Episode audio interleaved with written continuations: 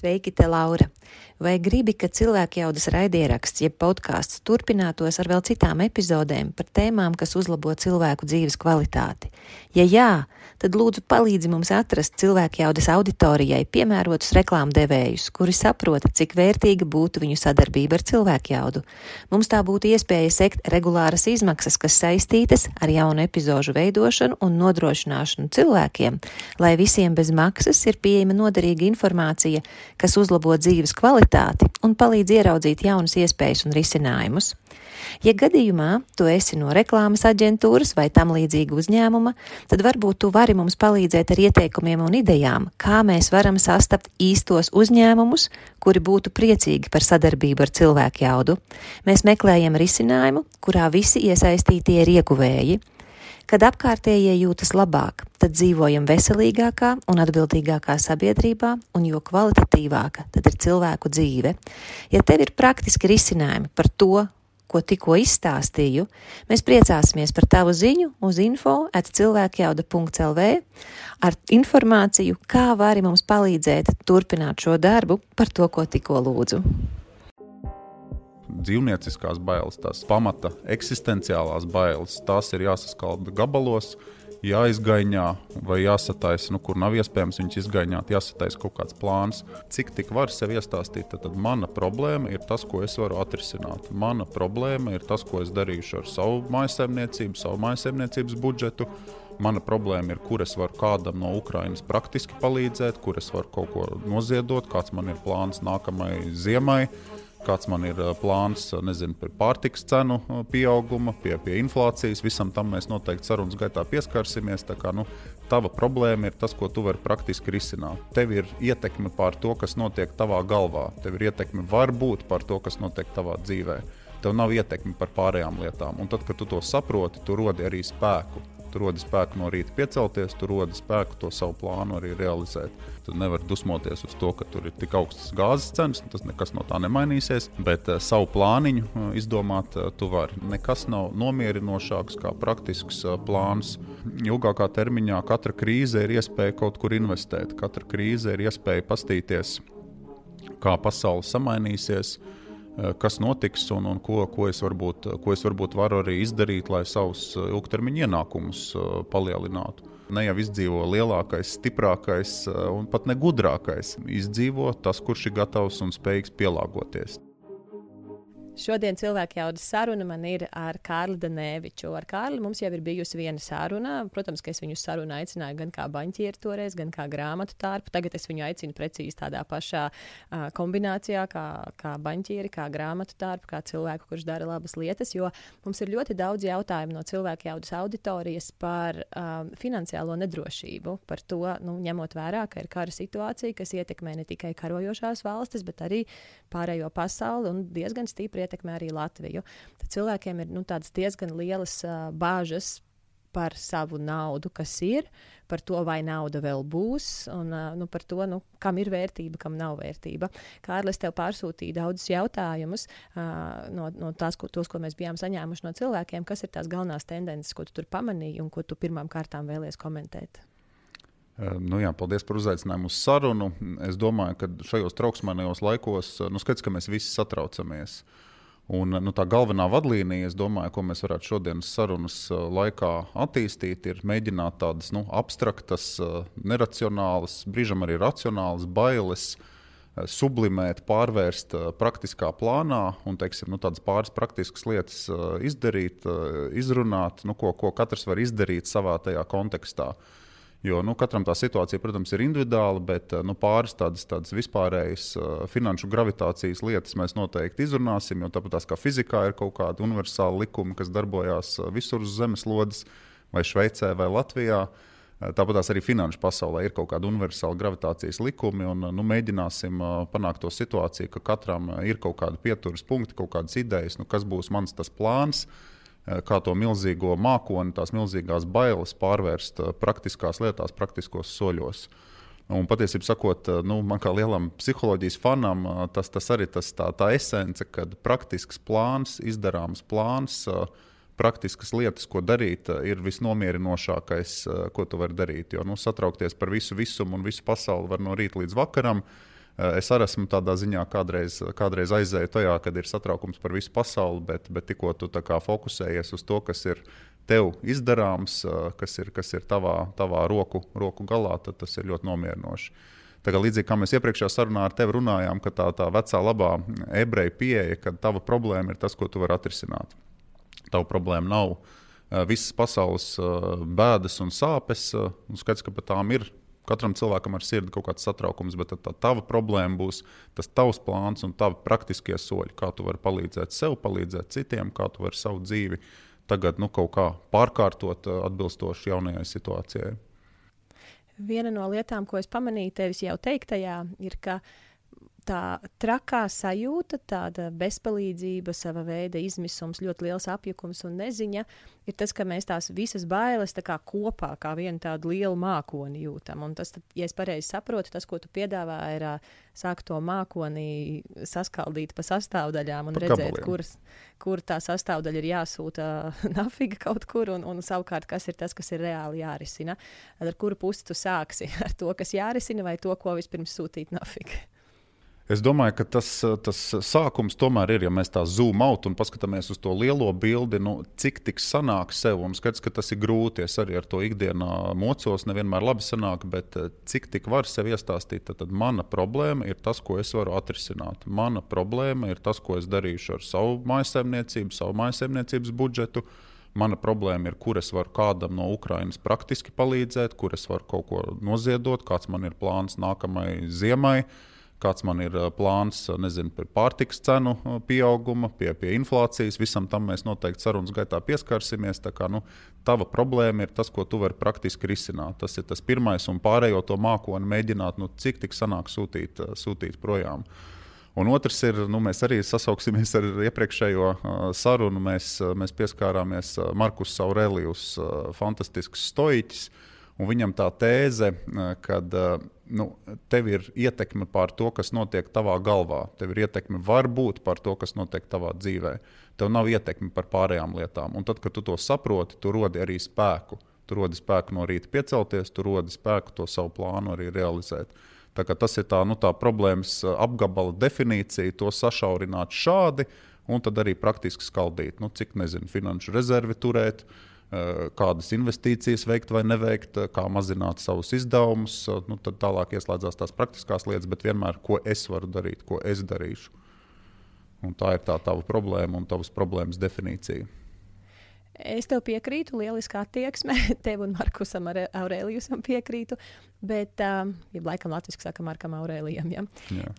vienīgi gana daudz bija tādu ziņu, ka es saprotu, ka man nevajag uztraukties. Es saprotu, ka tas ir muļķīgi, bet es neko nevaru sev padarīt. Nu, kā tu saki, no vienas puses mums ir kontrole pār savu galvu, bet nu, cilvēki arī parāda, ka tās kontrols nav reizēm. Vai ir kaut kas, ko tu esi novērojis arī savā nu, paziņu vidē, Latvijas vidē, kas ir tas iemesls, kur cilvēks rada sev šo sajūtu, ka viņam nav kontroles? Nu, kas, kas ir tie faktori, kas to veicina?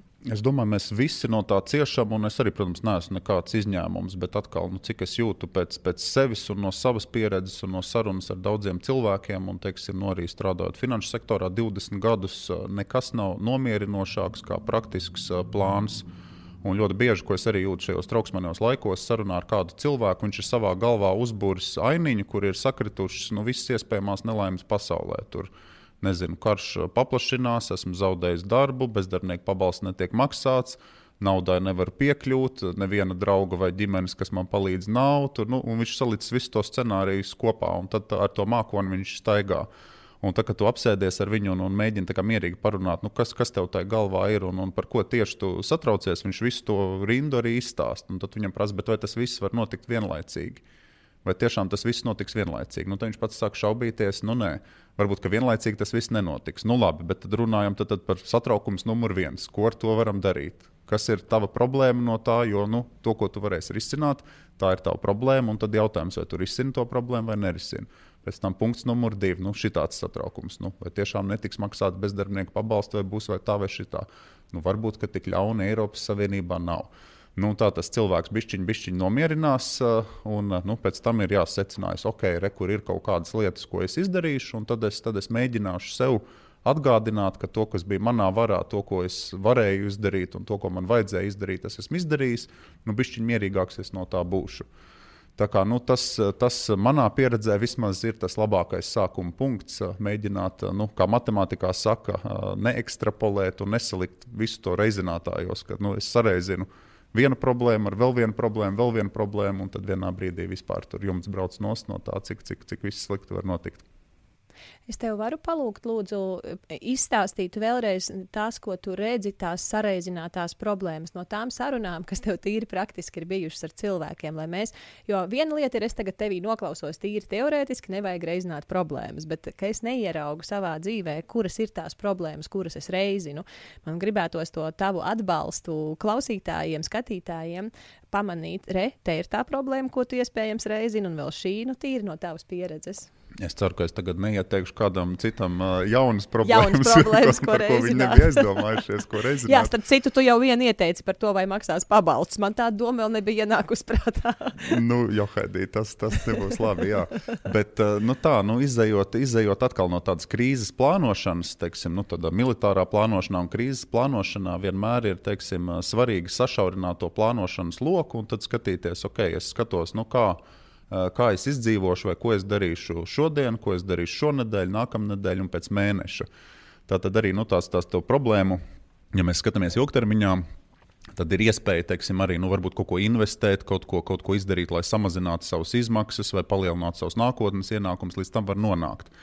Bet pirmajā brīdī nu, skatāmies uz to tuvējo, tuvējo periodu, uz to tuvējo nedēļu, tuvējo mēnesi. Uh, Un, nu, droši vien tās, tās nu, bailes un tās, tās bažas ir, kas var notikt ar valsti, kurā es dzīvoju, vai, vai teiksim, darbosies tur, tur visas ierastās lietas, kas var darboties.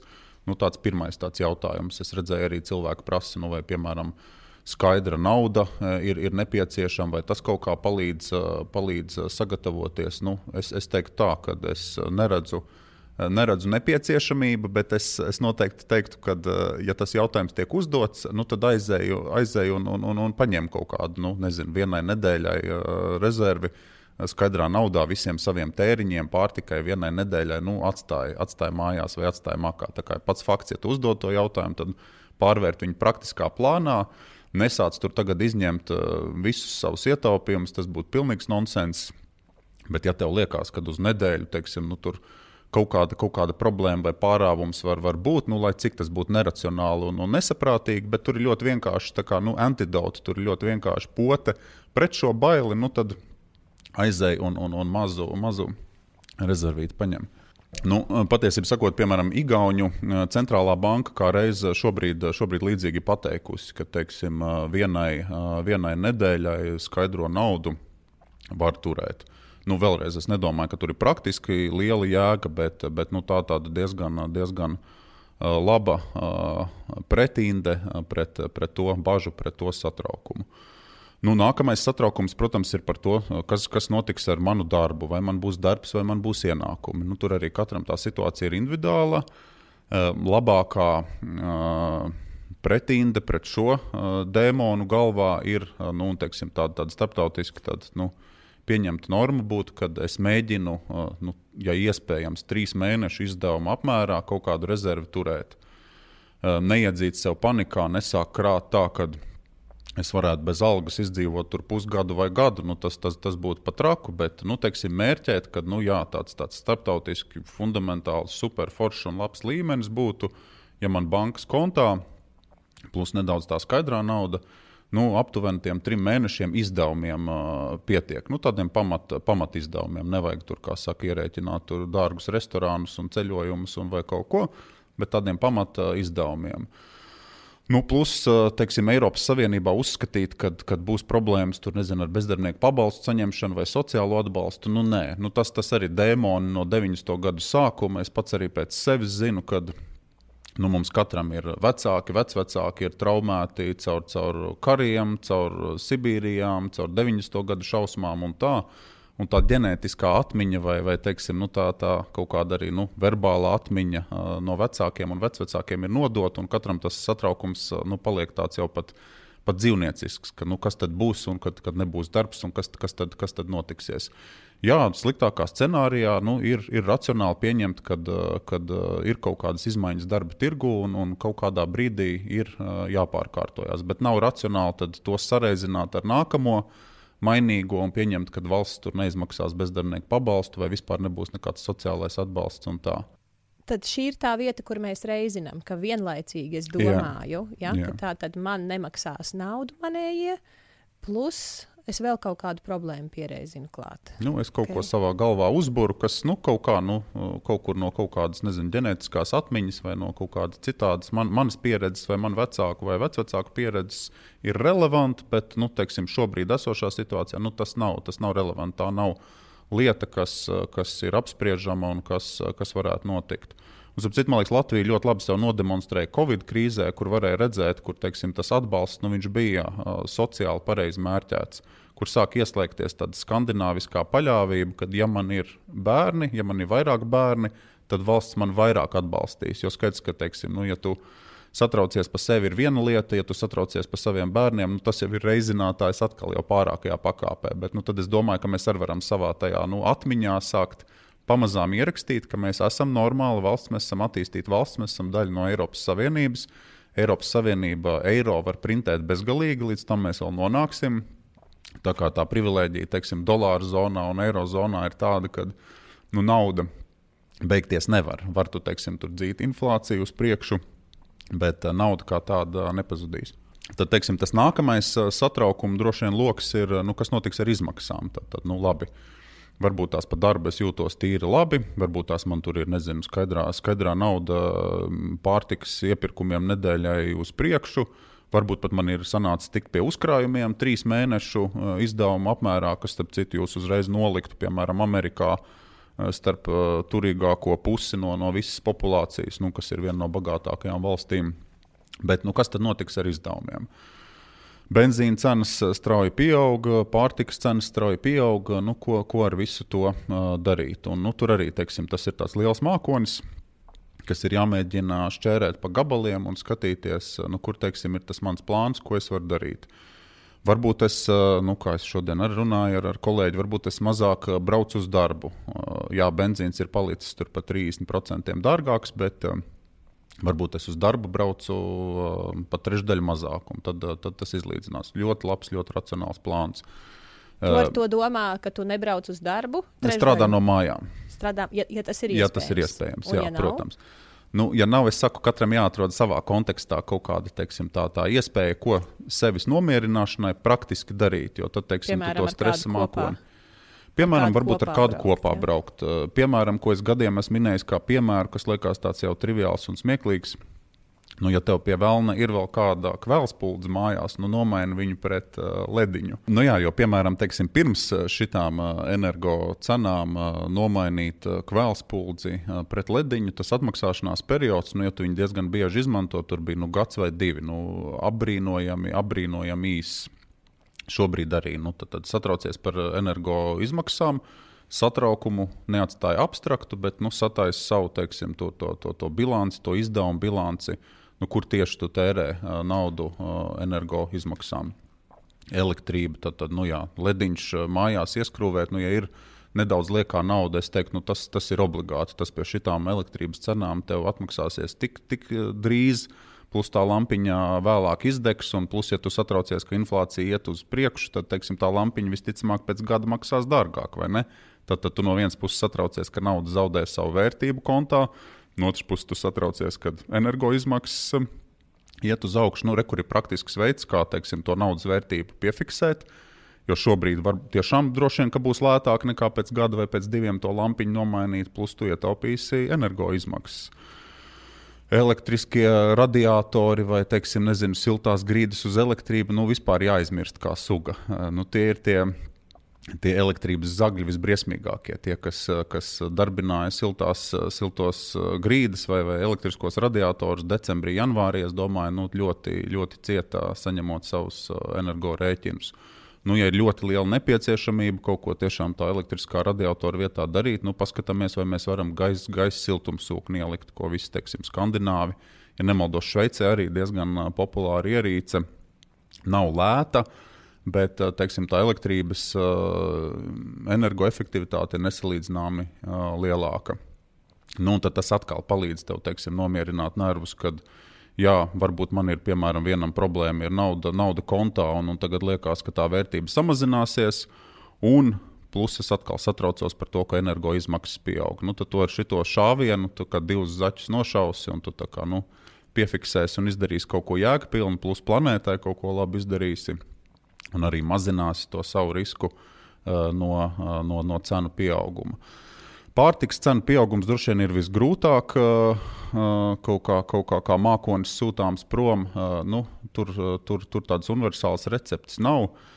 Es pats sev tādu ma mantru uzrakstīju, kad, kad, kas arī tāda nomierinoša mantra, un, un kādam varbūt liksies jokaina, bet, bet nu, es, kad teiksim, Zviedrijā kādu laiku dzīvoju un strādāju, tad, tad šādā ritmā dzīvot bija tīri labi iespējams. Un tā, tā mantra ir auzu putra brokastīs ar pašvārītu ievārījumu. Uh, Eh, pusdienās eh, griķi eh, ar pašaudzētiem dārzeņiem, nu, ko teiksim, Latvijā pāris mēnešus gadā diezgan mierīgi var izdarīt.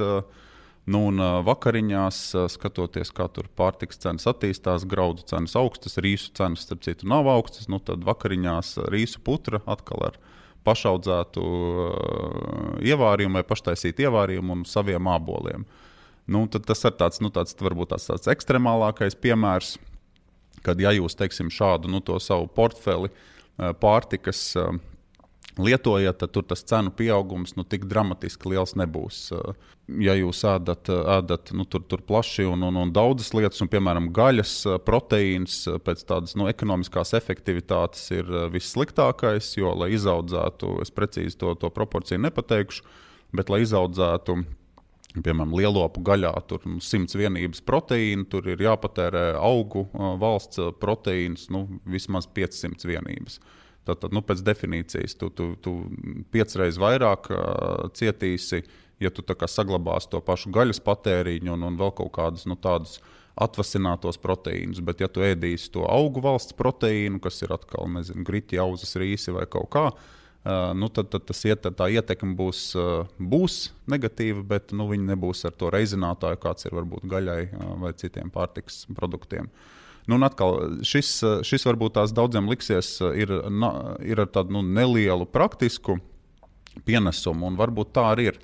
Bet tas psiholoģiskais pienesums, es gribētu teikt, tur ir liels, jo tu to savu mākoni esi sašķērējis kaut kādos gabaliņos, uh, uztaisījis to savu plāniņu, un tad jau tu ieeji tajā savā plāniņā, un tur mēģini pie tā plāniņa pieturēties. Katru dienu sev nomierini ar to, ka es taču kaut ko daru. Jā, ir tur, tur traki, tur ārā un tā, bet es taču kaut ko daru. Nu, kā Viena atkal. no lietām.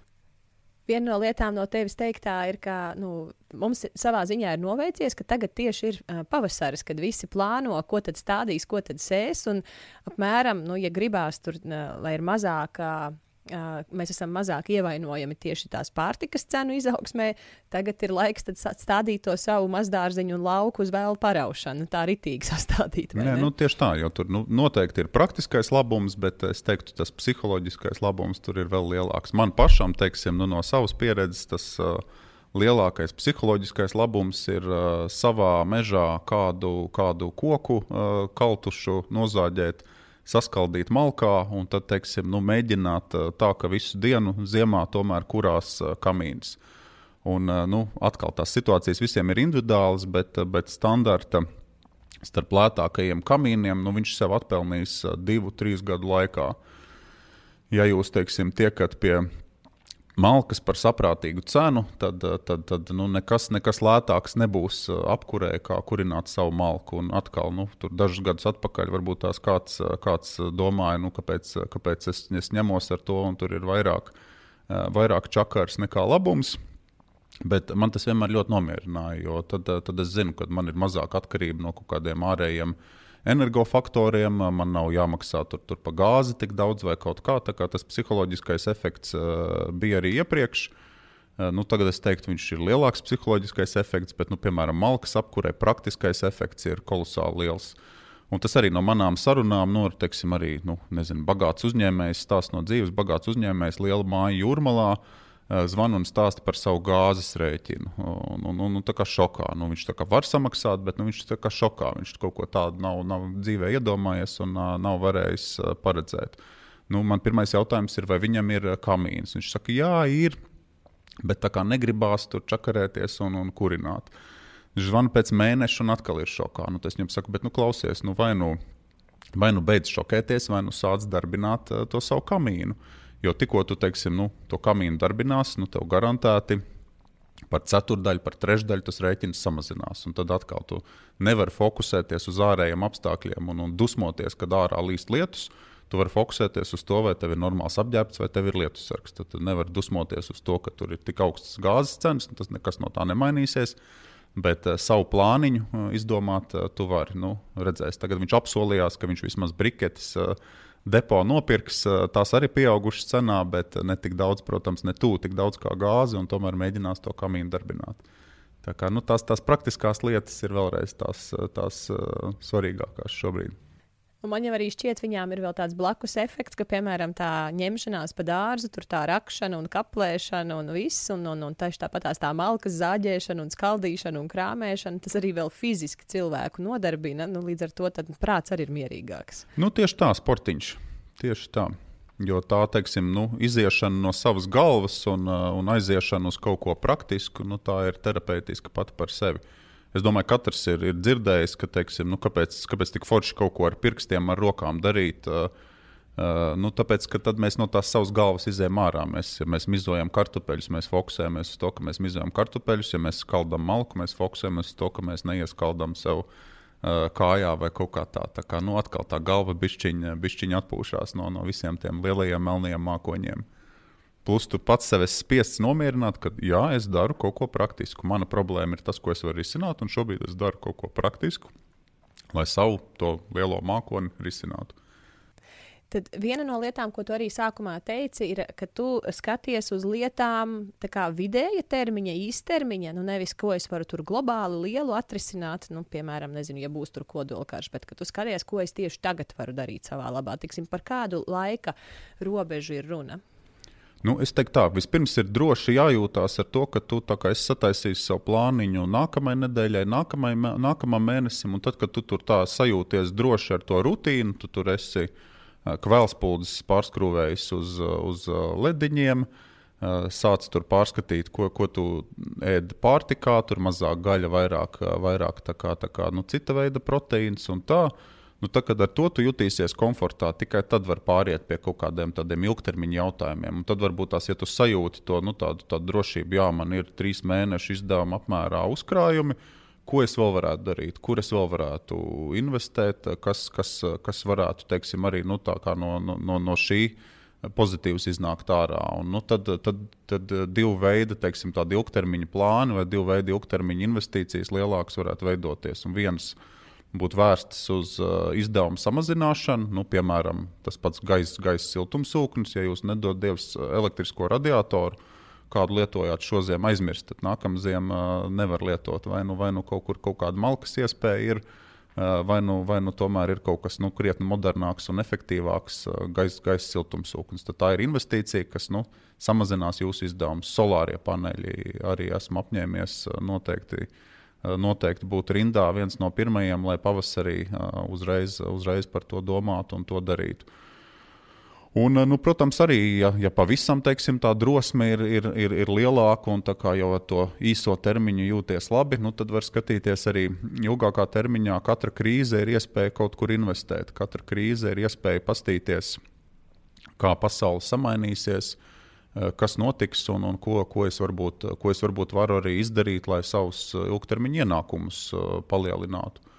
Nu, protams, liek teikt, ka labākā investīcija esi tu pats, un, un arī, arī teiksim, jebkuros apstākļos, pat kara apstākļos, tas, ko tu ieguldi sevī un savā zināšanās, tas ir neatņemams un tā ir labākā investīcija. Bet nu, labas investīcijas varbūt kaut kādā brīdī kāds ar kādas akcijas tur nopērk vai redz, ka jā, tagad tās nozares tur samainīsies un varbūt, nezinu, piemēram, Uh, Eiropa cieš no augstām energoizmaksām. Praktisks piemērs, ko daudz ekonomisti saka, savukārt Amerika ir, Amerika ir pašpietiekama ar naftu un gāzi. Varbūt Amerikā tā ekonomika tad relatīvi izstīsies labāk. Nu, tad, ja es pavisam droši jūtos, tad es varbūt skatos, kaut ko es varu investēt kaut kur citur. Es, protams, šobrīd neiesaku nevienu ne otru virzienu, bet vienkārši nu, kā var to domu gājienu sev galvā būvēt. Bet nu, tas, man liekas, ir pašiem drosmīgākajiem, jo, lai tiktu līdz tai drosmei un lai tā nebūtu tāda tukša sapņošana, ir tomēr jāsakārto tāds īstermiņa plāns un tās pamatlietas savā dzīvē un tās, tās, nu, tās nu, dzīvnieciskās bailes, tās pamata eksistenciālās bailes, tās ir jāsaskalda gabalos.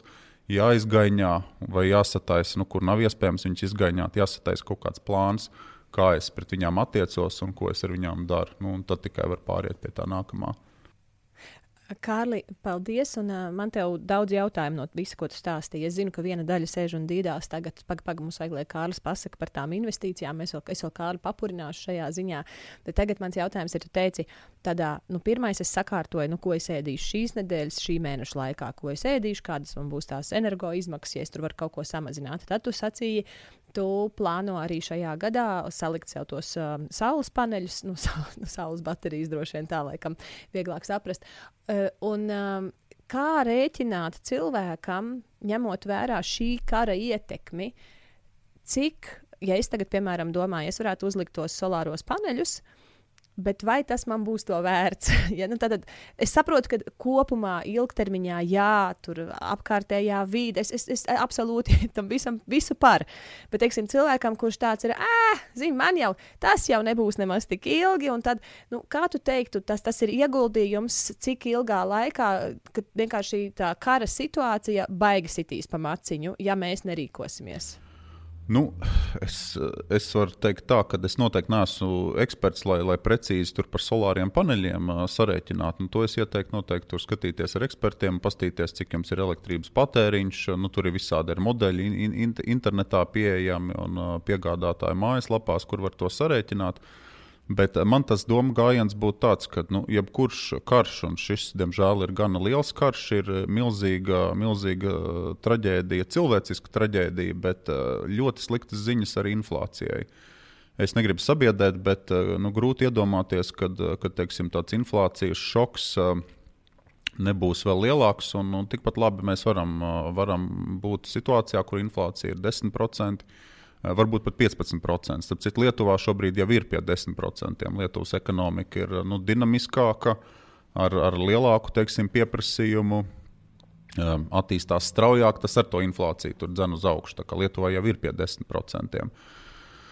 Latvija un Eiropa var sagaidīt noteikti kaut ko līdzīgu. Un, nu, šobrīd prognozēt, kad, kad pie tās lielās inflācijas, kad šādu ieguldījumu cenas samazināsies, vai kad elektrības vai gāzes cenas samazināsies, nu, es, es, es ļoti, ļoti šaubos. Man ir grūti izdomāt tos scenārijus, kāpēc, kāpēc pēc gada vai pēc diviem teiksim, nu, gāzes un elektrības cenas būtu pēkšņi Eh, ļoti, ļoti zemas. Bet, nu, atkal, man liekas, teiksim, kā, kā es, es varu paskaidrot, kas, kas manā galvā par šo darās. Man liekas, es arī esmu ļoti sašuts par to, kas notiek Ukrajinā. Un tad, kas ir tas mans plāns, kā es varu to savu sašutumu pārvērst praktiskā darbībā? Uh, man ir tas gods būt uh, Sosbērnu ciemata padomus priekšsēdētājam. Mēs momentāli pirmajās dienās mobilizējām spēkus. Mēs esam gatavi uzņemt līdz pat 40 bērniem un iespējams pat vairāk. No Ukrainas. Pirmie jau mums ir ieradušies, tas ir tas humānais plāns, mans sašutums par, par, par notiekošo, kā es varu būt savā, savā dimensijā noderīgs kādam. Uh, nu, kādas, teiksim, tur, tur drēbes uh, sa, savācu un, un, un aizvedīsim, un, un, un tam līdzīgi. Tad tas ir tas praktiskais, ka es savu sašutumu, nevis es pats sev galvā sevi apēdu un, un, un, un mājās nedod dievs iespēju kaķim aiz dusmām vai kaut kā tāda Bet eh, nu, to, to sašutumu par to humāno katastrofu es šādā veidā mēģinu nodzēst, daļai apdzēst.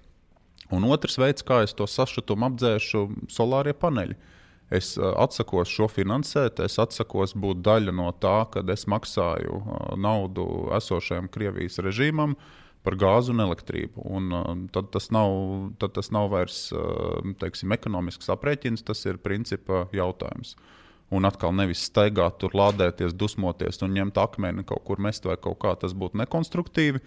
Tas konstruktīvais ir, ko es varu no savas pozīcijas izdarīt, lai es nu, par sevi būtu augstākās domās. Tas katram mums ir ļoti svarīgi. Un lai tās neracionālās, milzīgās dusmas, sašutumu, naidu un vispārējo, lai es pārvērstu konstruktīvā rīcībā, kur es zinu, jā, to es varēju izdarīt, tā bija mana problēma, es to problēmu izvēlējos risināt, es viņu risinu. Nu, tad mana problēma tad vēlreiz palīdzēt, palīdzēt cilvēkiem tur, kur var palīdzēt un atteikties eh, finansēt eh, tās eh, šausmas no otra gala. Tā kā es pat teiktu, nu, ja tiešām tur brīnums notiek un pēc diviem gadiem tur, tur, tur nu, elektrības gāzes cenas ir, ir, ir lētas, par ko es ļoti šaubos, un jums liekas, kāpēc es tos solāros paneļus uzstādīju, nu, es vismaz noteikti tā nedomāšu, jo es, es zināšu, ka tur bija svarīgāks princips tam apakšā. Okay. Un, kā es saprotu, gaidīt to, ka enerģija paliks lētāka, nu, tas ir diezgan neprāts. Jā, jo vēlreiz katrs karš tomēr ir inflāciju sekmējošs. Paskatāmies pēc otrā pasaules kara. Nu, protams, tas, tas bija pilnīgs armagedons. Tagad es ceru, ka mēs ne par ko tādu nerunājam. Bet pēc otrā pasaules kara inflāciju rietumu pasauli un Amerika savaldīja tikai 70. gados. Tad, tad 50., 60., 70 pagāja lielā inflācijā, pieprasījums lielāks par piedāvājumu. Sapratu, tas tāds zelta laikmets uh, cilvēkiem uh, Amerikā, kur, kur, kur teiksim, nu, ir liels pieprasījums pēc tevis kā pēc darbinieka.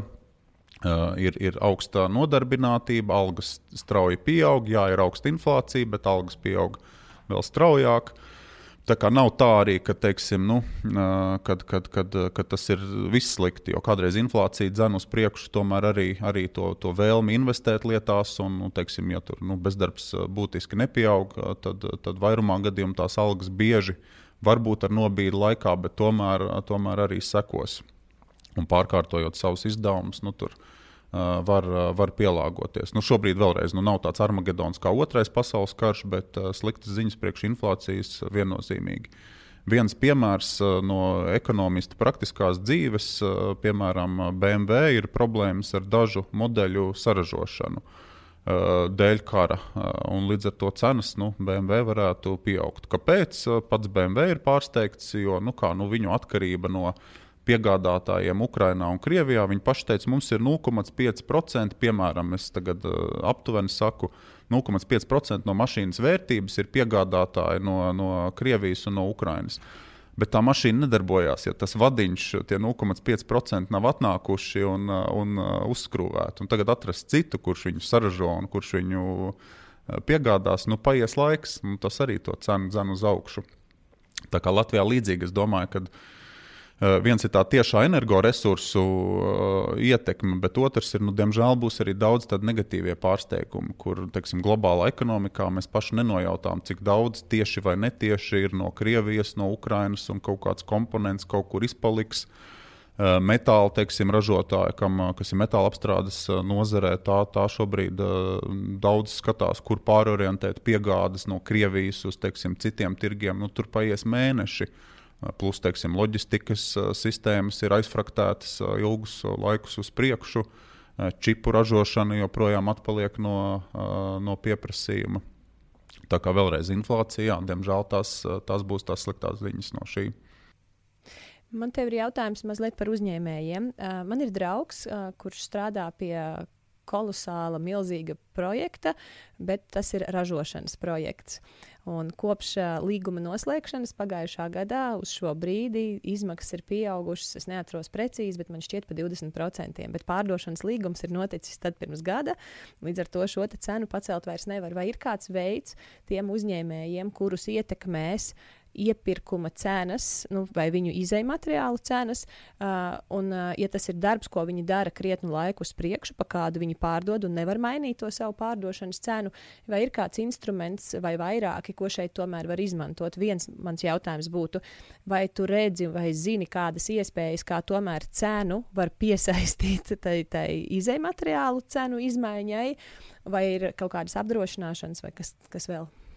Nu, tīri tehniski, jā, protams, ir iespējams tā kā, tā kā izēvielu cenas pirkt, pirkt kā, nākotnes darījumus, slēgt, neejot tur finanšu pasaules detaļās, bet, ja jums, teiksim, svarīgs izēja izē materiāls ir tur, nezinu, dīzelis un, piemēram, dzelzs, vai metāla izstrādājumu, jā, ir iespējams biržā nopirkt darījumu, kad, kad es piefiksēju par šādu cenu, man būs atļauts pēc pusgada iegādāties tās izēvielas. Uh, Praktiski tas nav tik, tik vienkārši. Tur jābūt gan lieliem apjomiem, un nu, tā atklāti un tieši sakot, es domāju, ka daudziem uzņēmējiem būs ļoti grūti izdevumu pieaugumu absorbēt un, un pārnest, pārnest tur, kur ir kaut kādi fiksēti kontrakti. Daudz uzņēmēju, ar kuriem es tiekos un runāju, daudz ir ļoti mierīgi. Viņi saka, jā, pieaug izmaksas par 10%, bet es pārdošanas cenu arī uzreiz paceļu par 10% cilvēkiem vidēji nauda ir, viss notiek, viss tā kā pērk un viss ir kārtībā. Tur, kur jūs esat, teiksim, kā profesionāls uzņēmums, piefiksējis kaut ko, apsolījis par kaut kādu cenu, bet tagad tā kā, nu, tās, tās jūsu iepirkuma, jūsu piegāžu cenas ir pamainījušās. Nu, ļoti grūta un smaga situācija. Uh, Un, patiesībā sakot, es domāju, ka nu, tā, tāds mans minējums, ka Eiropas Savienība un ar Latviju kā daļu no Eiropas Savienības noteikti mēģinās sociāli atbalstīt cilvēkus. Būs dažādi, dažādas teiksim, programmas, mēs jau tagad redzam tur energoresursu cenu pieaugumu mazināšanai un visādas tādas, tādas nu, vēlmes sociāli atbalstīt uh, situācijas, kur, kur cilvēki kā, nu, kā privātpersonas uh, netiek galā ar izdevumu pieaugumu. Uh, uzņēmējiem, uh, uzņēmējiem uh, nu, tādas, tādas sociāla masveida atbalsta visticamāk nebūs. Uh, uzņēmējiem, uzņēmējiem teiksim, nu, augstas inflācijas apstākļos vienmēr ir grūtāk strādāt. Tas arī teiksim, tas iemesls, kāpēc Amerika pēc otrā pasaules kara cīnījās ar inflāciju 50, 60 un 70 gados. Un tad kaut kādā brīdī viņi saprata, ka viņi ir nonākuši pie stagflācijas, kur viņi stagnē, uh, Uzņēmēji mocās, uzņēmēji neinvestē, joprojām ir augsta inflācija, cilvēkiem viss ir daudz maz ok, um, algas pieauga, bet inflācija arī pieauga. Bet uh, uzņēmēji tādā vidē nespēja labi ilgtermiņā plānot, un nespēja pielāgoties un neinvestē.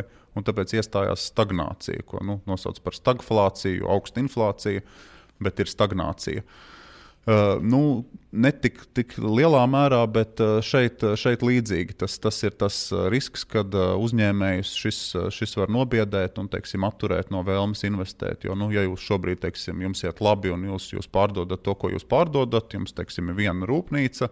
Un tu kā uzņēmējs tagad skaties, man kapitāls krājās, man tiešām ir forši. Un, jā, varbūt izēvielu cenas ir pieaugušas, bet nu, pārdoto, pārdotās preces cenas es arī ļoti labi varu uh, pieaudzēt. Uh, Nu, ko man tagad darīt? Būvēt vēl vienu rūpnīcu. Normālos apstākļos es būvētu. Tagad es varu atrast būvnieku, kurš man apsolīs, teiksim, cik, cik man izmaksās to rūpnīcu uzbūvēt. Vai iekārtu piegādātāji man visu piegādās, ko es plānoju. Nu, uzņēmējs droši vien šaubīsies.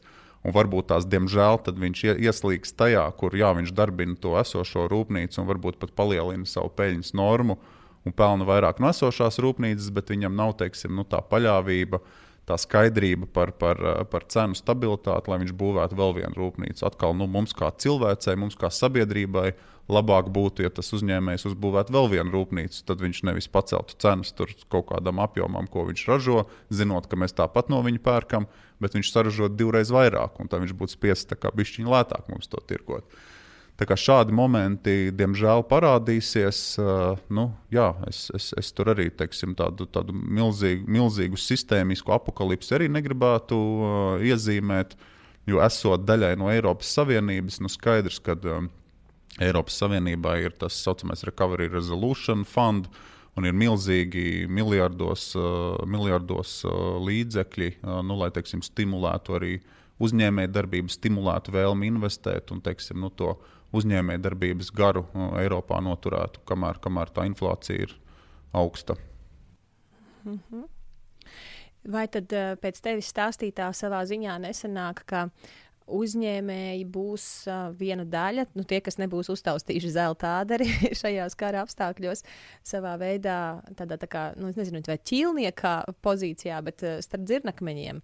Jo no vienas puses viņu darbiniekiem inflācijas dēļ būs nepieciešamas lielākas algas, Uh, no otras puses, kā tu teici, tas uzņēmums arī savukārt prātīgi skatīsies, vai tad man investēt izaugsmē.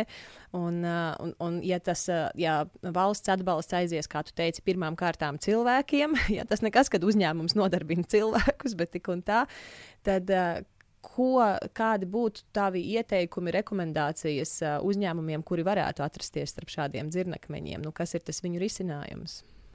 Nu, tādu universālu recepti tur iedot arī ir grūti, bet nu, līdzīgi kā tajā tavā privātajā bilancē, tev ir jāstāsta, kur es tērēju naudu, kur man iziet nauda ārā, kur es varu tagad izmisīgi investēt, lai samazinātu naudas tēriņus un savus izdevumus. Nu, kur, es, kur es varu pārorientēties, jā, un varbūt kaut kur pēc tam investēt arī, lai ir lielāki uh, ienākumi. Uh, Nu, plus vēlreiz Latvija tomēr ir daļa no attīstītās pasaules, un es domāju, to mēs ļoti skaidri jau redzējām Covid krīzē, kad nu, nav tā, ka mēs izgāžamies kā veca sēta, un mums ir kaut kāda sistēmiska, teiksim, milzīga problēma ar ekonomiku. Nu, nē.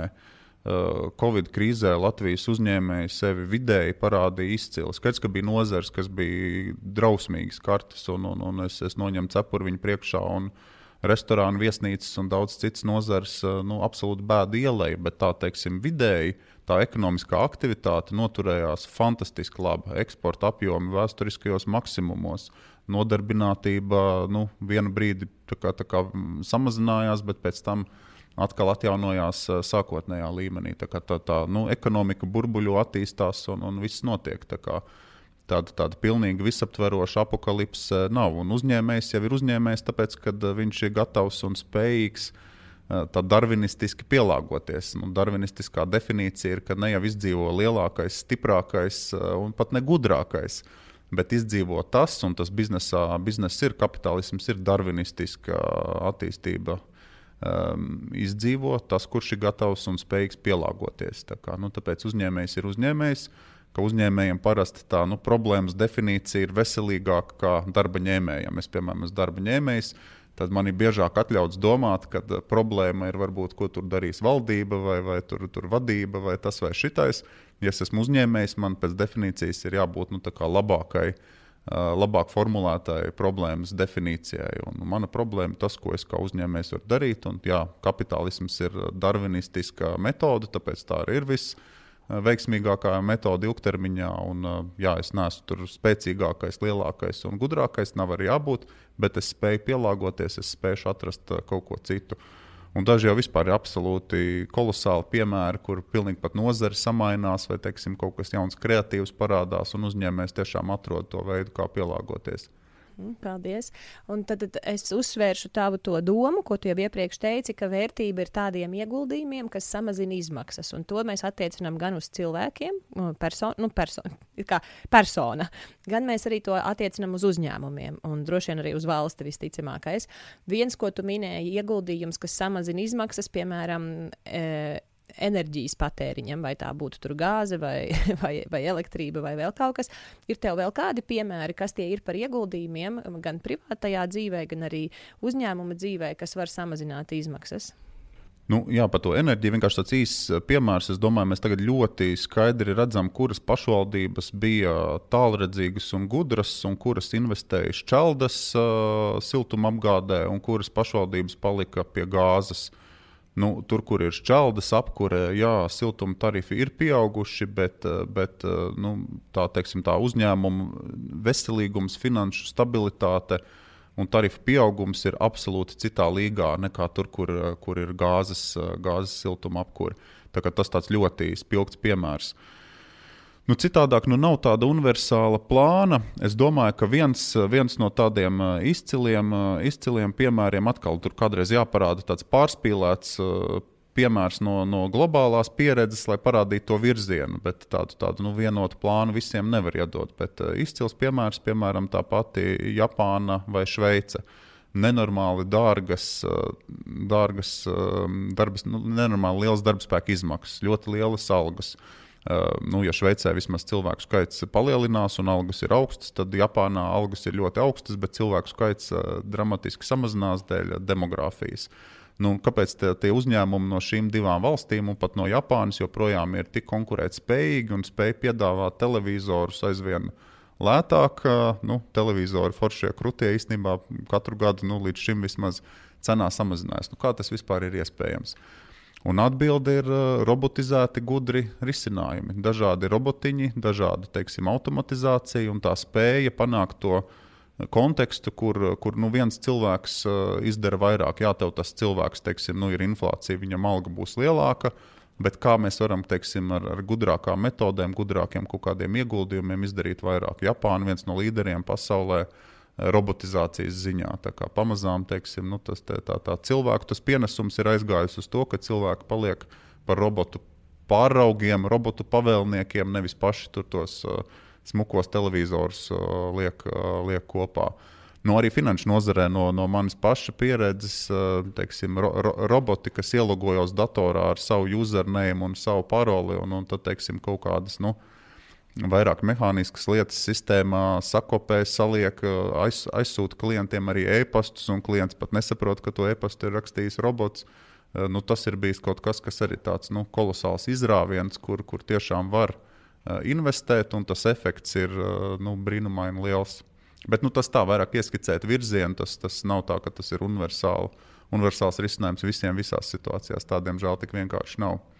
Tātad šī automatizācija, automatizācija, tas būtu uzņēmumu atbalstam, teiksim, skatīties, kur mēs to varam izmantot. Bet tagad, savukārt, tie, kas ir darba ņēmēji, tur atkal būs tās lielās bailes. Mani aizstās ar robotu. Nu, tās bailes ir vienmēr visos laikos bijušas, un tas spilgtākais piemērs, protams, ir pārsimts gadus atpakaļ, kur pirmās stelles uh, Lielbritānijā parādās, un darbinieki viņas dedzina un demolē, un saka, tās ir Ellis mašīnas. Mēs tagad no rīta līdz vakaram dzenājam diedziņu pa labi, pa kreisi, pa labi, pa kreisi, pa labi, pa kreisi un mums dzīve ir piepildīta, un tagad ienāk Ellis mašīna, un ko tad es ja nedzināšu diedziņu, ko tad es citu šai dzīvē vispār māku un ko es darīšu. Šodienas acīm absolūts muļķības. Ja audumu austu ar rokām, nu tad iedomājieties, cik, cik mēs teiksim. Nabadzīgāk būtu kā sabiedrība. Tā kā tādā īstermiņā skaidrs, ka kaut kāda pārkārtošanās ir, ir šoks, un tur tas darvinistiskais elements uh, Eh, ieslēdzās. Nu, tur ir kaut kāda valsts loma palīdzēt pārkārtoties, un tā, un teiksim, uzņēmēji arī cerams eh, labus un, un foršus darbiniekus apmāca, pārkvalificē, pārliek, pārliek citā līgā, un eh, viņi var pielāgoties un izdarīt kaut ko jēdzīgu. Bet teiksim, tāda tehnoloģija nozīmīgums, man liekas, ļoti labs piemērs ir arī nu, ģeopolitikas kontekstā. Uh, Eh, Padomju Savienība eh, izjuka, jo pašos pēdējos gados nu, naftas cenas bija zemas un tur bija visādas citas lietas, bet viņa nespēja saražot pietiekami pārtikas. Viņam tas pazemojošākais bija, ka tajā brīdī, kad kā, nu, grasījās eh, šaut pa mierīgiem iedzīvotājiem Viļņā un Rīgā, tad, tad rietumu partneri no Amerikas un Kanādas norādīja, ka jūs paši pārtiku nevarat uh, izaudzēt. Jums būs jābūt gataviem šaut pa cilvēkiem Maskavā, uh, tajā brīdī Leņņģeradā un kaut kur citur. Jo, nu, ja mēs jums uzliksim embargo un nesūtīsim graudus no Kanādas, kas atrodas diezgan uz ziemeļiem, un Amerikas un no citurienes, jūs tehnoloģiski esat tik atpalikuši, ka jūs nespēsiet pietiekami pārtiku sev saražot. Nu, tagad pāris, pāris jauni traktori un, un, un pāris desmitgadus vēlāk, nu, kas ir pasaules lielākie pārtikas ražotāji un eksportētāji, jo iedzīvotāju skaits ir nu, būtiski pieaudzis pēdējos 30 gados lielākie pasaules uh, pārtikas eksportētāji - Krievija un Ukraina. Bijušās Padomju Savienības uh, teritorijas uh, tikai, tikai teiksim, ar kaut kādu tehnoloģisku piešprici, nu, tas ir brīnums, ko var, ko var dabūt ārā. Sapratu, Latvijas zemnieki, Latvijas kokapstrādes nozare arī ir fantastiski automatizēta, modernizēta, un, un tas, tas arī ir lepnums. Nu, es varu tiešām teikt, piemēram, kokapstrādes un lauksaimniecības nozare uh, mežstrāde Latvijā bieži ir modernāka, efektīvāka, produktīvāka nekā Zviedrijā. Zviedri vēl ir aizkavējušies, varbūt tās tur kaut kādās nu, 10, 15 gadu vecās tehnoloģijās. Mēs esam pārlekuši pāri, mēs esam ielikuši tiešām tur GPS vadāmos traktoros un, un visādos brīnumu ieguldījumos. Tā kā tas, tas nu, atkal tā iedvesma, varbūt tās es tur minēju Šveici un Japānu kā tādus ekstremālākos piemērus, bet to iedvesmu var meklēt arī šeit, tuvāk Latvijas kokapstrādes uzņēmumos, mežstrādes uzņēmumos, Latvijas lauksaimniekos. Tu uzsvēri arī, ka vērtība vienmēr būs mūsu zināšanām.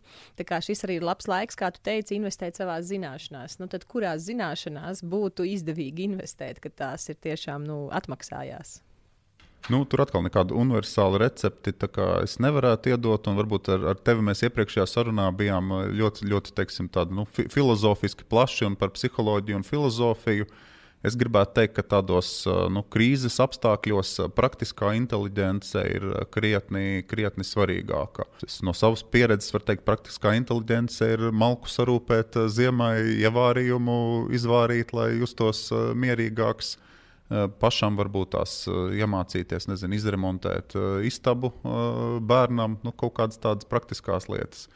Tā kā, nu, es negribu arī tā pārāk pie, pie zemes uh, visus uh, pieraut. Skaidrs, ka uh, jāmācās tur, tur lielas lietas un, un plašas lietas.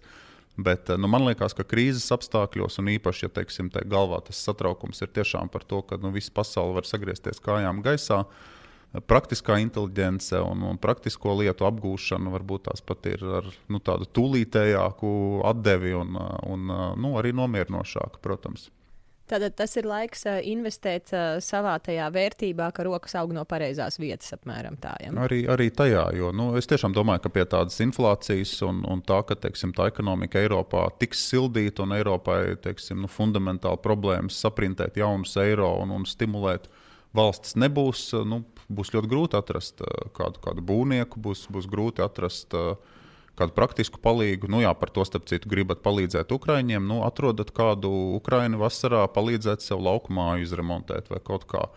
Jo tas arī tā, tā maģija, ka teiksim, nu, cilvēkam ziedot un dot naudu, dot naudu ir, ir skaisti un forši, bet cilvēkam iedot darbu, tas ir nākamā līmeņa ziedojums vai palīdzība. Un tu īstenībā viņš ir arī ilgspējīgāka palīdzība, jo tu izdari labu arī sev un tu viņu ieliec kaut kādā apritē vietējā sabiedrībā. Tas, tas man vienmēr licies interesanti. Nu, piemēram, Zviedru sabiedrība tur karš nav bijis 250 gadus. Un, uh, man kaut kā vienmēr likās uh, interesanti, kā viņi to tā notrāpa. Bet, uh, Tur nu, veci, veci cilvēki, kam ir jau uzkrājumi, viņi vienmēr savas mājas remontēja tad, kad bija krīze. Uh, Eh, jo viņi tā bija nu, tā, tā ģenētiski atmiņā, bija, bija sapratuši, ka jā, nu, katrs desmit gadus ir garantēta kaut kāda krīze. Un tikko ir krīze, nu, tad Zviedrija mēģina būt eh, laba pret pārējo pasauli, atļauj tur imigrantiem vairāk, pie, vairāk iebraukt un tā. Un tad tiešām tāds nu, vecs Zviedrs ar ietaupījumiem. Viņš zināja, ka nākamā krīzē Eh, mums tā kā būs stabilāk, pie mums brauks, brauks citi cilvēki, un es viņiem pirmā brīdī palīdzēšu, es izremontēšu savu māju, es atjaunošu sētu. Tā kā, man liekas, laiks latviešiem, cilvēkiem Latvijā arī, arī sasniegt to briedumu pakāpi, kad, nu, ja, ja rocība ļauj un ja iespēja ir, tad, tad īstenībā tas arī ir tāds labs praktiskās inteliģences piemērs un labs veids gan kā palīdzēt kādam, gan arī priekš sevis izdarīt labu lietu. Labi, tas bija par praktisko inteligenci, bet tagad par tehnoloģisko inteligenci. Man šķiet, ka viena no tādām problēmām ir, ka cik daudz cilvēku uh, Latvijā joprojām ir ar nu, diezgan zemām tehnoloģiju izmantošanas spējām. Tā ir. Es nezinu. Es domāju, ka nav, nav tik traki, jo teiksim, tās mūsdienu tehnoloģijas jau ir, ir eh, samērā pieejamas. Un, eh, nu, būsim godīgi, YouTube bieži ir labākais skolotājs daudz kam. Tev gan atnāk eh, IKEA skāpīts, kas pašam ir jāsaskrūvē. Vai arī ir nezinu, jāsaremontē tēkāna, tad, tad YouTube nu, ļoti labi palīdz. Vai jāremontē istaba, arī YouTube ļoti labi pamāca, ko darīt, kā darīt. Tā. tā kā man liekas, tas informācijas apjoms ir, ir, ir milzīgs, un tā praktiskā inteligence atkal ir pareizā brīdī saprast pareizo vietu, kur kaut ko pasmelties. Super. Tad tav, tavs iedrošinājums ir nevis gaidīt, kad mēs iziesim tās tehnoloģijas kaut kādas tur uh, augstās skolas, bet arī tajā pašā YouTube paskatīties arī par tehnoloģiju izmantošanu. Tīri praktiski, ne tikai par praktisko inteligenci. Uh, Nu, noteikti, jo nu, teiksim, tā, tā teorētiskā un augstāko plauktiņu inteligence, es, es pieļauju Cietvielu fizikas institūts, organiskās eh, sintēzes institūts un vēl vairākas fantastiskas vietas Latvijā, kur fantastiskas lietas tiek pētītas un izgudrotas un tā, bet eh, nu, pret kopējo cilvēku skaitu tas ir diezgan mazs cilvēku apjoms. Tur, jā, tur droši vien YouTube nevar nostīties tās lietas, kas ir nepieciešamas, bet visiem pārējiem nevajag, nevajag pa zemu novērtēt uh, visu to, kas ir salikts YouTube un citur ir pieejams un diezgan ātri var apgūt. Mans vecākais dēls, ap citu, Covid laikā tīri labi japāņu valodu sāka, sāka apgūt, un, un, un klavieres ļoti, ļoti labi iemācījās spēlēt. Un, un ne, jau, ne jau tur kaut kāda beigā klavieru skolotāja un, un japāņu skolotāja, bet, bet tīri ar teiksim, nu, tādu gribas spēku un, un nu, piespiešanos un veco labo YouTube. Super, lieliski. Ķeramies klāt pie inflācijas. Kā tas ietekmēs ieguldījumus. Viens no jautājumiem bija, nu, tad man, kur tad man tagad likt to naudu? Man tagad pirkt īpašumus, vai man tagad uh, skatīties kādas akcijas, vai vispār jēga ir investēt akcijās, kā inflācija ietekmēs, es nezinu, kaut kādu aizņemšanās procentu likmi.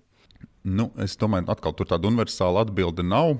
Es uh, teiktu, ka to problēmu var sadalīt uh, vairākās daļās, un, protams, bailes no inflācijas ir atkarīgas no tā, Eh, cik eh, daudz jums ir uzkrājumi. Ja teiksim, jūs, eh, jūs mocaties samaksāt ikdienas rēķinus, tad tās bailes no inflācijas ir nu, briesmīgas un viņas ir tajā eksistenciālā līmenī. Ja jums ir bankas kontā 20,000 eiro, tad bailes no inflācijas ir tādā citādā kontekstā. Tā tur svarīgi ir saprast, kurā, kurā kategorijā jūs esat, vai, nu, vai kaut kur pa vidu, un, un par ko tieši jūs satraucaties. Jūs satraucaties, kad izmaksas nespēsiet sekt, tad atpakaļ pie tā, ko mēs iepriekš runājām, plāns izmaksu samazināšanai. Drēbes nevajag pirkt eh, pa labi, pa kreisi. Starp citu, jā, šajā brīdī nu, visu cieņu eh, apģērbu tirgotājiem un tā. Bet eh, nu, tāds vidējais rietumu pilsonis ir vienkārši pārbāzts ar, ar drēbju kalniem. Un, nu, vismaz šajos laikos nu, tas, tas diezgan bezjēdzīgi. Noziedojiet, ko paši neizmanto, neizmantojot Ukrai, Ukrainai, eh, bērniem no Ukrainas, paskatieties. Bet, nu, nevajag šausmīgi tagad sākt, sākt panikāt, to stresu izpaust, eh, pērkot drēbes. Tas būtu tāds, nu, man liekas, viss tāds absurdākais veids. Tad, tad jā, ja jums, ja jums ir ikdienas tēriņi jāsamazina, tad, tad to jau mēs izrunājam. Ja jums ir tā luksusa problēma, tad, tad ka jums ir liela uzkrājuma un bailes no inflācijas, tad vispirms, nu, atkal pēc vecās labās ebreju definīcijas, saprotam, kas ir tava problēma. Tava ir problēma, ko tu vari darīt, ko tu vari darīt ar saviem 20,000 eiro bankas kontā. Nākamais, ko lūdzu sev pasaki, tā ir luksus problēma un tā ir laba problēma. Ir pilna pasaule, pilna Latvija ar cilvēkiem, kuriem kuriem nav uzkrājumu, kur satrauksies, vai viņi spēj izdevumus nosegt. Un, ja tu tagad staigā apkārt depresīvs, besies ārā un šausmīgi šausties par savu luksus problēmu, nu, tad es teiktu, ka līdz galam man tevi žēl nav. Jo tu pats to dialogu ar sevi neesi izveicis un neesi, neesi sev pateicis, jā, tev ir problēma pie augstas inflācijas, tev ir uzkrājumi, bet tā ir luksus problēma. Tā kā, nu, vēlreiz, tā ir luksus problēma, arī problēma, bet uh, luksus problēma. Man uh, ir jautājums, Kārli. Pirmie cilvēki, kas prasīja un teica, man ļoti uztrauc inflācija, jo man šis drošības spilvens, nu, tas pats tevis rekomendētais 3 līdz 6 mēnešu apmērā no izdevumiem, kad vienkārši nu, tas, ko es ar to drošības spilvenu spēju izdarīt, tas ar vienu sarūku. Tur vairs nebūs 3 un 6 mēneši. Jā, nu mēģini, mēģini ja, ja tev ir tāda luksus problēma, nu mēģini to drošības spilvenu, tad uh, skatoties, ka izdevumi pieaug, turēt uh, nu, attiecīgi proporcionāli to 3 mēnešu apmērā un bišķiņu, bišķiņu palielināt. Nu, tad tev ir tā panika, ka tā nauda kūst uh, kā sniegs pavasarī, un tāda sajūta, es absolūti saprotu to sajūtu. Nu, skaties, ko tu vari izdarīt, lai samazinātu savus izdevumus vai palielinātu savus ienākumus nākotnē. Par izdevumiem mēs izrunājam. Tur gaisa, gaisa siltumsūknis, nomainīt elektriskos radiatorus, ielikt jotulu, jotulu kamīniņu, nezinu, savus ievārījumus, tur, tur savārīt, nu, kaut ko, kaut ko, jebko izdomāt. Tā kā nu, nauda kūst, nu, tad liec viņu lietā, liec viņu lietā gudri. Uh, no tā, no tā, ka tu uz viņu skaties un paniko, un, un tev ir tā luksus problēma, un tu katru gadu pārdzīvo, ka inflācija apēda 10% no taviem ietaupījumiem, nevienam labāk nepaliek. Tev paliks labāk, ja tu to, to satraukumu versijas praktiskās sliedēs. Jā, es atstāju minimumu šādu rezervīti, kas man vienmēr būs nepieciešama, 3 vai 6 mēnešu izdevuma apmērā, pārējo es gudri investēju. Nu, kur investēt, teiksim, ja jūs gribat uh, to, to naudas vērtību saglabāt, nu, pie augstas inflācijas, tur ir tā, tur ir tā problēma, ka baigi labie ienā, ieteikumi nav. Tāpēc jau tā Amerika nonāca pie tās stagflācijas 70. gadu beigās un pie tās sapratnes, kas šobrīd ir faktiski nu, finanšu pasaulē kā 11. bauslis. Tev nebūs redzēt inflāciju lielāku kā 2% gadā. Tad, tad šādu 11. bausli gan Eiropas centrālā banka izmanto, gan, gan Federālo rezervu sistēmu. Uh, Nu, Nevelti mēs nonācām pie tā baušļa, kad augstas inflācijas apstākļos eh, relatīvi lielākie cietēji ir tie taupītāji. Un, ja tie taupītāji nav, nav sek, nu, netiek sekmēts, ka viņi vēlās taupīt un investēt, tad paliek slikti arī pārējiem. Tā kā taupītāji, teiksim, lielas inflācijas apstākļos, ir tie, kas par to samaksā. Tad, nu, teiksim, kāds vecs cilvēks Dānijā, kurš visu mūžu ir, ir zelīti dzīvojis un rūpīgi krājis naudu, domājot, ka inflācija nekad nebūs lielāka par 2%. Relatīvā izteiksmē viņš būs tas lielākais zaudētājs, jo tā naudas vērtība, teiksim, saruks, viņš viņu akcijās nav ielicis nekur citur nav ieguldījis. Tā kā tāda laba atbilde nav. Pāris, teiksim, tāda, nu, uh, ekonomistu pārdomas ir, kur, kur tiešām ir augsta inflācija. Starp citu, nekustamais īpašums nav slikts veids, eh, kas to naudas vērtību aptuveni palīdz saglabāt. Atkal pastāstīšu ekstrēmu. Venecijas ekonomika pēdējo desmit gadu laikā ir izgāzusies kā vecs sēta, tur ir bijusi hiperinflācija totāla apakalipse. Trešdaļa no cilvēkiem, gandrīz jau trešdaļa no cilvēkiem ir vai nu daļai vai pilnībā valsts pametuši. Pilnīgi, pilnīgs dizasters. Tā kā ja jūs būtu kaut ko investējuši tur, nu nekas, nekas labs tur nebūtu sanācis. Izņemot uh, nekustamie īpašumi. Nekustamie īpašumi pat tādos ekstrēmos apstākļos.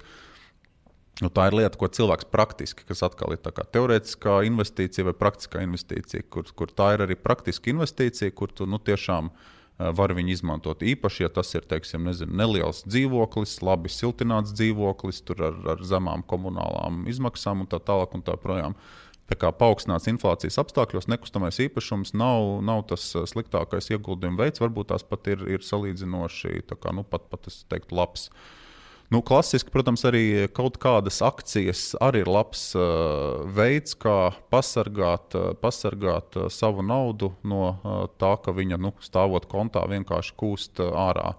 Tur jābūt piesardzīgiem, jo joprojām pasaulē, un īpaši Amerikā, akciju cenas ir tā, tik augstos līmeņos. Tik augstā līmenī, kādas viņas ir bijušas īsi pirms lielās depresijas 29. gadā, uh, un uh, īsi pirms tā uh, saucamā uh, dotcom burbuļu plīšanas 2000. gadā. Tad, tad, nu, pēdējos 130 gadu laikā šī tik augsti pret peļņu novērtētas akcijas ir bijušas tikai trīs periodos. Šobrīd, 2000. gadā, kad viss beidzās slikti, un 29. gadā, kad viss beidzās slikti. Līdz ar to tā šausmīgi, teiksim, nu, all-in, tur visu vis vis savu investīciju veikt tikai akcijās. Uh, jābūt piesardzīgiem, jo jāsaprot, ka kaut kādā brīdī tie amerikāņu kalniņi var aiziet uz leju. Ilgtermiņā, protams, akcijas ir foršas un akcijām, teiksim, ir tas pluss, ka tu esi nopircis daļu no uzņēmuma nākotnes peļņas. Ja ir augsta inflācija un uzņēmums teiksim, ir saprātīgi pārvaldīts, tad uzņēmums var palielināt savu peļņu, jo palielinās cenas, palielinās cenas, palielinās inflācija, palielinās inflācija, palielinās cenas.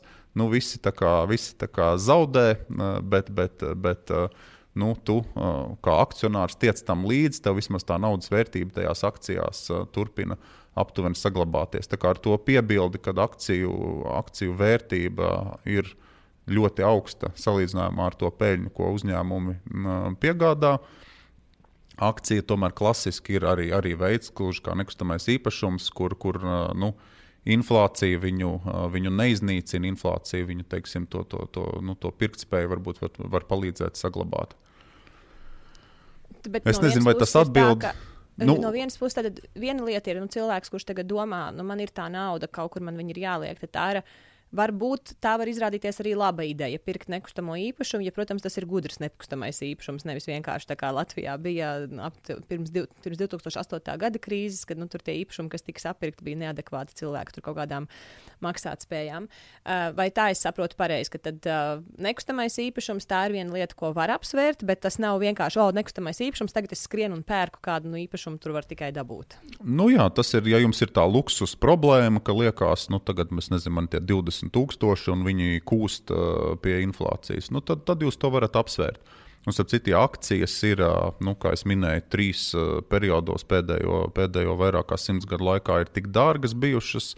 Tad nekustamā īpašuma Latvijā joprojām pēc jebkādiem mēriem un mērogiem ir salīdzinoši lēti gan pret ienākumiem, gan kredīt līmenis ir salīdzinoši zems, gan pret teiksim, mūsu ekonomikas attīstības stadiju. Tā kā nu, tur nav uh, nav pazīmju, ka eh, viņi ir eh, dārgi salīdzinājumā ar mūsu ienākumiem. Lai kā kādam liktos, nu, tā, teiksim, tā objektīvi salīdzinot, ir tā patiesība, ka Latvijā ir gana, gana pieejami uh, nekustamie īpašumi. Un, citu, teiksim, tādas investīcijas uh, nu, satrauc inflācija. Mežs, lauksaimniecības zeme, jā, uh, kāpēc, kāpēc ne? Tas, tas es redzēju, dažos jautājumos arī bija pieminēts, nu, ja man uztrauc pārtikas cenu pieaugums vai pirkt lauksaimniecības zemi. Skatāties, skatāties, vai jūs esat loģisks īpašnieks tajā lauksaimniecības zemē, vai jūs viņu mācīsiet iznomāt kādam, kas viņu lieto, vai pats lietot. Ja gadījumā A vai B izpildās, tad, tad jā, kāpēc ne? Meži, teiksim, Latvijā man joprojām bieži sāp sirds, kad daudziem ir kaut kādi vai mantoti meži, vai kaut kāda iespēja kaut ko tur nezinu, izzāģēt un, un, un, un, un uzturēt. Nu, tad, tad, tad, tad tas ir tas laiks, kad to var darīt šobrīd. Jo, nu, Mežām katru gadu kaut kāda, kaut kāda vērtība pieaug, bet, ja tie koki tur ir pārvecojuši un gāžās viens otram virsū un post, pūst nost, tad teiksim, tā meža vērtība stāv uz vietas. Ja jūs viņus saprātīgi apsaimniekojat un ļaujat tiem kokiem vidēji izaugt līdz nezinu, 60, 70 gadu vecumam, bet negaidat uh, 120 un nogāzušos, tad jūs visu laiku kaut kādu naudu no tā meža varat uh, izņemt ārā. Tas arī tāds uh, labs labs instruments pret, pret bažām par strauju inflāciju. Koku cenas un koku materiālu cenas arī ir pieaugušas. Kārli, man te būtu vēl daudz un dikti jautājumi, bet mūsu laiks ir beidzies. Tāpēc es tev tagad mēģināšu izprovocēt uz kaut ko traku. Tu vari man atšūt, mēs izgriezīsim ārā. Tajā gadījumā neviens pat neuzzinās, ka es tev mēģināju uz kaut ko tādu savaņģot. Es domāju, ka cilvēkiem būs vēl daudz jautājumu. Piemēram, man būtu daudz jautājumu vēl arī par akcijām. Uh, tad um, vai mēs varam ar tevi sarunāt, ka mēs pie šīs sarunas, pie šīs intervijas, pie šīs epizodes pieliekam klāt uh, anketu, kur cilvēki var ierakstīt savus jautājumus? Jo es zinu, ka vienai daļai ir, ja tas ir nu, publiski redzams jautājums, vai ja cilvēks ir nu, atpazīstams, kaut vai man privāti sūtot, nu, negribās cilvēkam parādīt, ka viņam ir tur, teiksim, kaut kādas tādas bažas vai pārdomas. Mēs pieliksim šo anketu, kur var uzdot jautājumu arī anonīmi. Var rakstīt rakstīt klāt savu vārdu, nav nekāda vaina.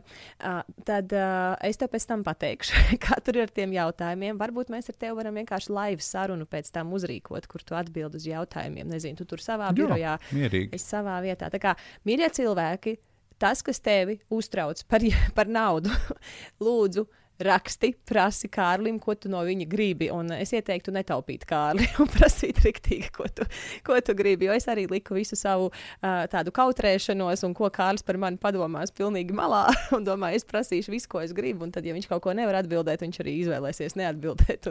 Kā, visi jautājumi, kas ir par naudu, par vērtību, droši prasām Kārlim, ko un kā darīt. Kārli, vai tev nobeigumā ir kaut kas, ko tu redzi, nu, ir svarīgi šo cilvēkiem zināt vai pateikt?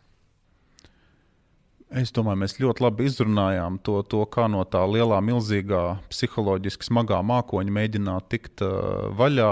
Un uh, skats, ka tur nav viena sudraba lode, skats, ka man ir tāds pats mākonis, skats, ka mēs visi esam cilvēki. Bet uh, praktisks plāns ikdienai, kas ir uh, kontekstualizēts ar jūsu realitāti, ir, ir tas nomierinošākais, uh, ko var darīt ko var izdarīt. Nu, līdzīgi, ja ir nezinu, problēmas eh, liekas ar, ar, ar, ar veselību un, un jāsporto, nu, tad, tad nav, nav tā, ka es tagad 9 stundas pasportošu un atrisināšu to lietu un to milzīgo mākoni, bet ja es sataisīšu plānu, kā es uh, turpmāk divreiz nedēļā sportošu, nu, tad rezultāts arī būs uh, finanšu pasaulē, finanšu disciplīnā. Bažās par finanšu jautājumiem ir ļoti līdzīgi. Nav tāda viena liela lieta, ko tagad izdarīsim un būs labi. Bet eh, jūsu kontekstam atbilstošs uh, treniņa plāns, vai, vai tad, kā mēs runājām, ieguldījumu vai izdevumu samazināšanas vai, vai tēriņa plāns, nu, tas ir tā, tā ir tā pretinde pret to milzīgo mākoni, negatīvo mākoni tas jau ir tas grūtākais. Jo mums gribās tādu recepti, ka es vienu reizi izdarīšu, un pēc tam man būs miers. Bet tas, ko tu sāki, mums ir jārēķinās, ka visu laiku būs kaut kas jāpadara, un nebūs tā lielā miera. Bet mums ir jāfokusējas uz to īsa un vidēja termiņa mieru un darīt tieši to, ka, lai gan mums mūs interesē tikai dodiet man ilgtermiņa mieru, tad es varu darīt, tad man ir jēga darīt. Bet tu saki, saņemies uz arī uz mazo. Kārli, es varu vēl no tevis uh, palūgt, Kādus jautājumus tu priecātos, vai tev būtu interesanti, vai tu uzskati, ka tu vari palīdzēt cilvēkiem, ja viņi iesūtītu? Nu, lai vienkārši lai tas tiešām, lai cilvēki to izdara, lai mums var būt tāda saruna vēl ar tevi. Es domāju, jebkādus jautājumus, un arī, arī nu, īpaši varbūt praktiskus jautājumus, jo nu, vēlreiz krīzes apstākļos, jo, jo vairāk mēs sazemējamies ar realitāti, jo vairāk mēs kādu praktisku lietu atrisinām. Uh, jo, jo tas ir labāk. Jo, nu, šajos laikos, eh, vairāk kā citos, praktiskā inteligence, manuprāt, ņem virsroku pār eh, teorētisko inteligenci. Tad man pēdējās divas lietas. Tu esi valdes loceklis, ja tev bija kaut kāds augstāks amats tieši. Sosbērnu ciematos. Sosbērnu ciematos padomas priekšsēdētājs. Padomas priekšsēdētājs. Starptautiskās organizācijas senators šobrīd arī. Jā, un tu teici, jūs uzņemat 40 ukrāņu bērnus pie sevis. Tie ir, tie ir bāriņi, kas ir, jau bija bāriņi pirms, pirms kara, ja viņi ir tagad arī bāriņi Jā. kara dēļ. Pirms kara vēl, vēl, vēl neesam tikuši līdz tam otrajam sāpīgajam, bet visticamāk tas arī sakos. Jā. Okay. Un tad, uh, kas notiks, ja cilvēks uh, izvēlēsies arī atbalstīt uh, šo SOS bērnu ciematu? Kas jums ir nepieciešams?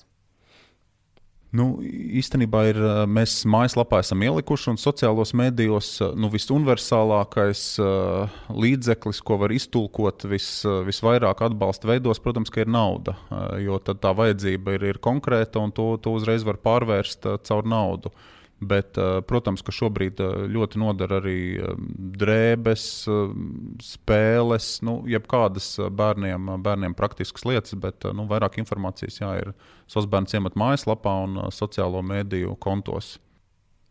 Ja, man pašai ir tāda ļoti nopietna apņemšanās. Tā, tā kā man ir divi bērni, pieci un desmit gadu veci, tad uh, laikam tas, kas man visvairāk uh, sāp šī kara sakarā, ir tas, kā cieši bērni, tas, ka bērni zaudē vecākus, tas, ka bērnu vecāki zaudē daudzas spējas, tas, ka bērni ir ievainoti, tas, kā bērni ir traumatizēti.